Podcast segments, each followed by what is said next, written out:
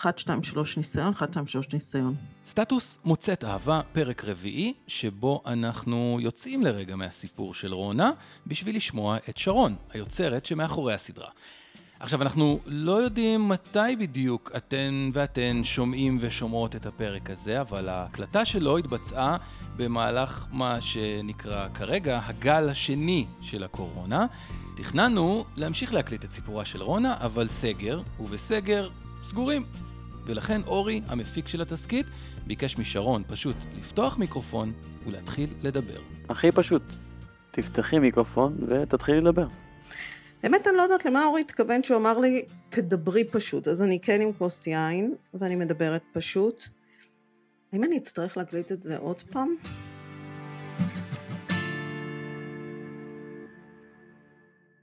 רונה ואני. לא, אני לא רונה. כלומר, אנחנו מכירות מצוין, והיא משפיעה עליי לא מעט, אבל אני לא רונה. כשסטטוס אה, מוצאת אהבה יצא בפעם הראשונה, השאלה הכי שכיחה שנשאלתי, ואני מניחה שעוד אשאל, זה האם רונה היא אני. אז לא, אני שרון, ואני המספרת של רונה, אני המצאתי אותה. אני תמיד רציתי לכתוב, תמיד אהבתי לכתוב, זה לא הייתה ברירה, פשוט אהבתי לכתוב. יש לי סיפורים ומחברות שכתבתי באמת בגיל מאוד צעיר.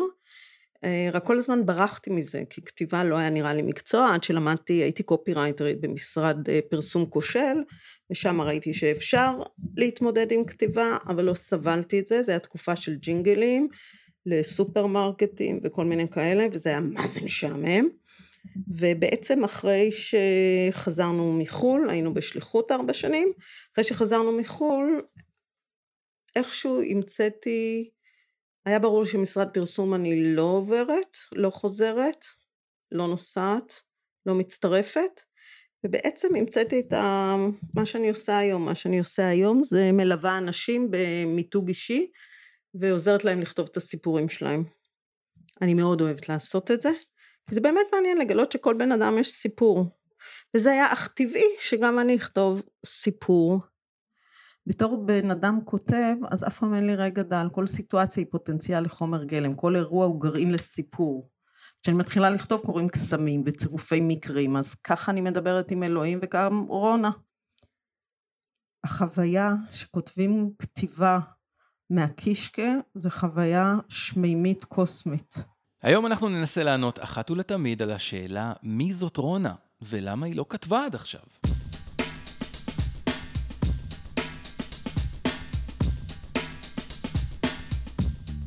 לרונה נמאס לכתוב אחרים בגלל שהיא מרגישה שיש לה משהו בבטן שהיא חייבת לכתוב אותו.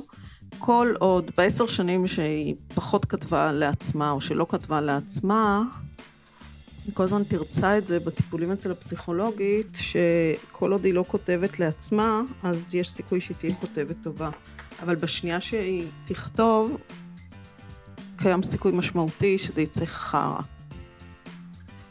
כנראה שבמהלך השנים, ובגלל שהיא הייתה צריכה גם להתאפס על עצמה ולפרנס, אז uh, היא לקחה כמה צעדים אחורה.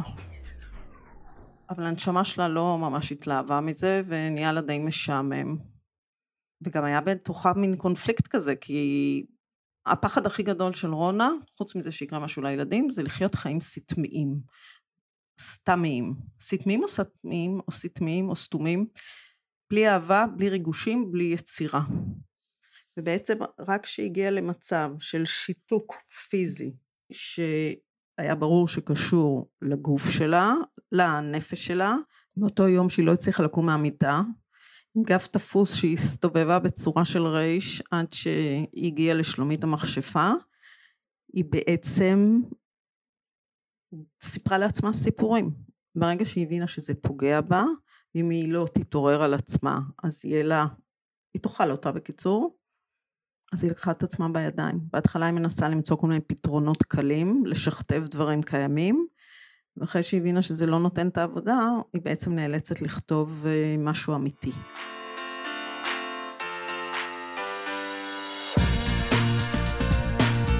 בקיצור, רונה הולכת עם האמת שלה, זה לפעמים דופק אותה, חבל על הזמן, אבל היא מעדיפה את זה על פני האופציה. היא לא יודעת לשקר, היא לא יודעת לעשות בחירות קלות, היא אוהבת, היא סקרנית, היא חוקרת עולמות גבוהים, היא מאמינה בקיומה של ישות עליונה, היא מאמינה שצירופי מקרים הם הדרך של אלוהים להזכיר לנו שהוא קיים, היא מאמינה בבריאה, בטבע, והיא מאמינה בקסמים שהכתיבה עושה. אז כן, יש לי כל מיני דברים דומים עם רונה, אבל מכאן ועד אה, אוטוביוגרפיה, תשכחו מזה.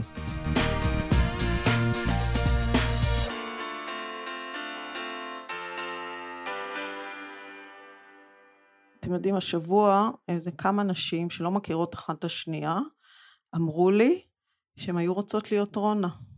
בגלל שהיא כזאת אמיצה ומגניבה ואין לה אף רגע משעמם. אבל בואנה, יש לה גם כל מיני דברים די דפוקים באופי. ועדיין, המון נשים אומרות לי שהן מתות להיות רונה. שחווה את החיים במלוא עוזם. אז אתם מתפלאים שכיף לי לכתוב אותה? עכשיו שאני חושבת על זה, רונה היא בקצוות. מצד אחד לא דופקת חשבון, עושה מה שהיא רוצה, מזדיינת אה, עם מי שהיא רוצה, ועושה דברים לא תקינים פוליטיקלי, אה, קורקט.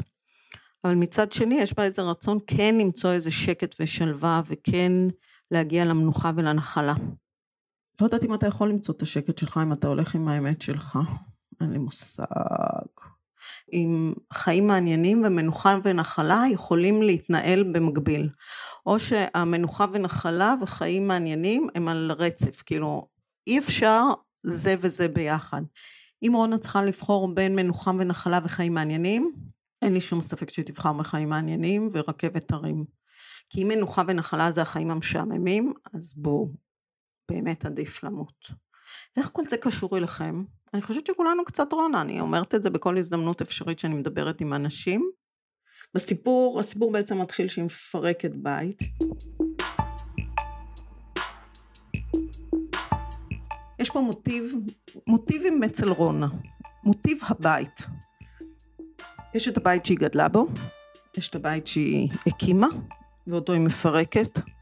אנחנו שומעים על הפירוק. ואז היא יוצאת בעצם לחפש את הבית שבתוכה.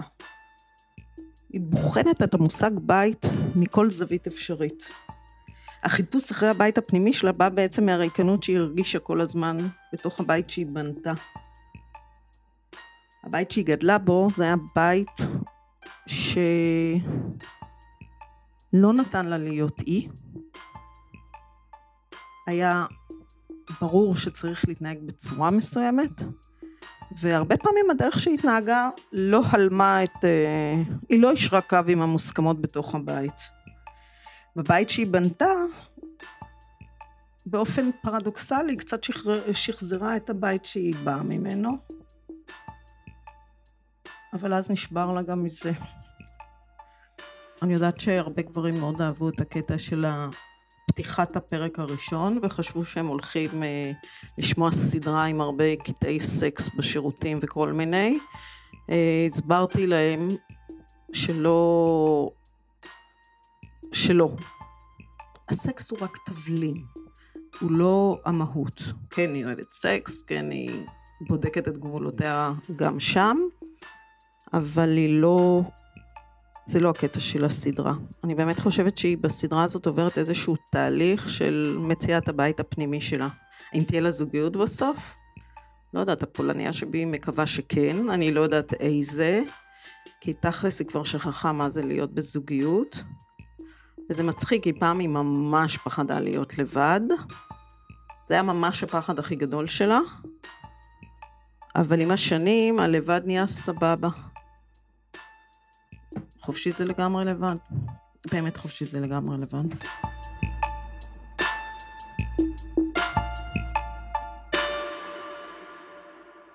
האתגר שלי בפודקאסט הזה זה לאסוף את כל הסיפורים והצטלח והניירות והמחברות שיש לי מהרבה שנים של כתיבה וליצור מהם מקשה אחת.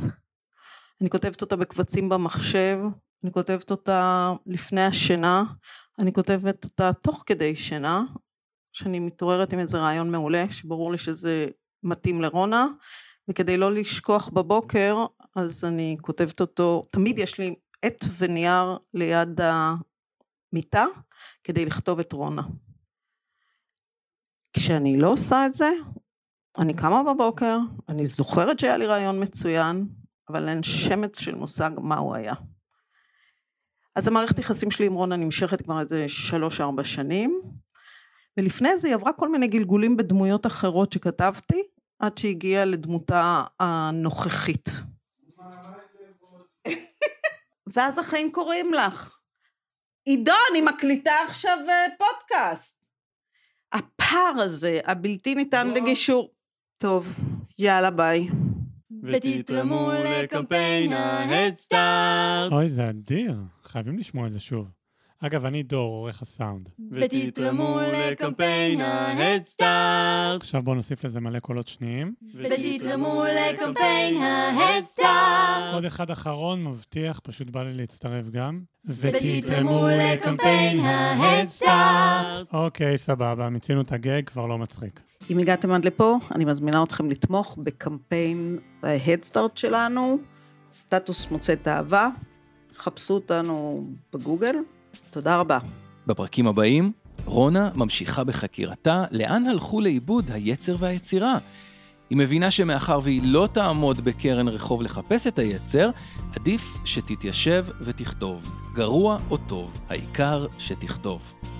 היא דולה מעברה הצבאי, זיכרון, סיפור, התאהבות, מתוק, ש... טוב, בלי ספוילרים עכשיו, פשוט תקשיבו. את ילדתי כבר, שנים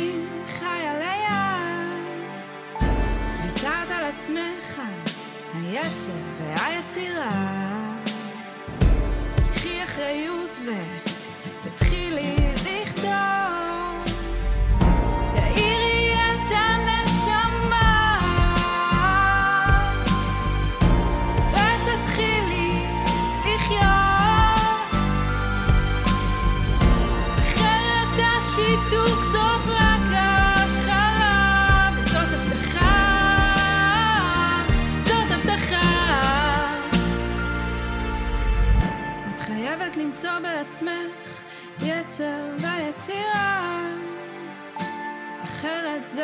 man.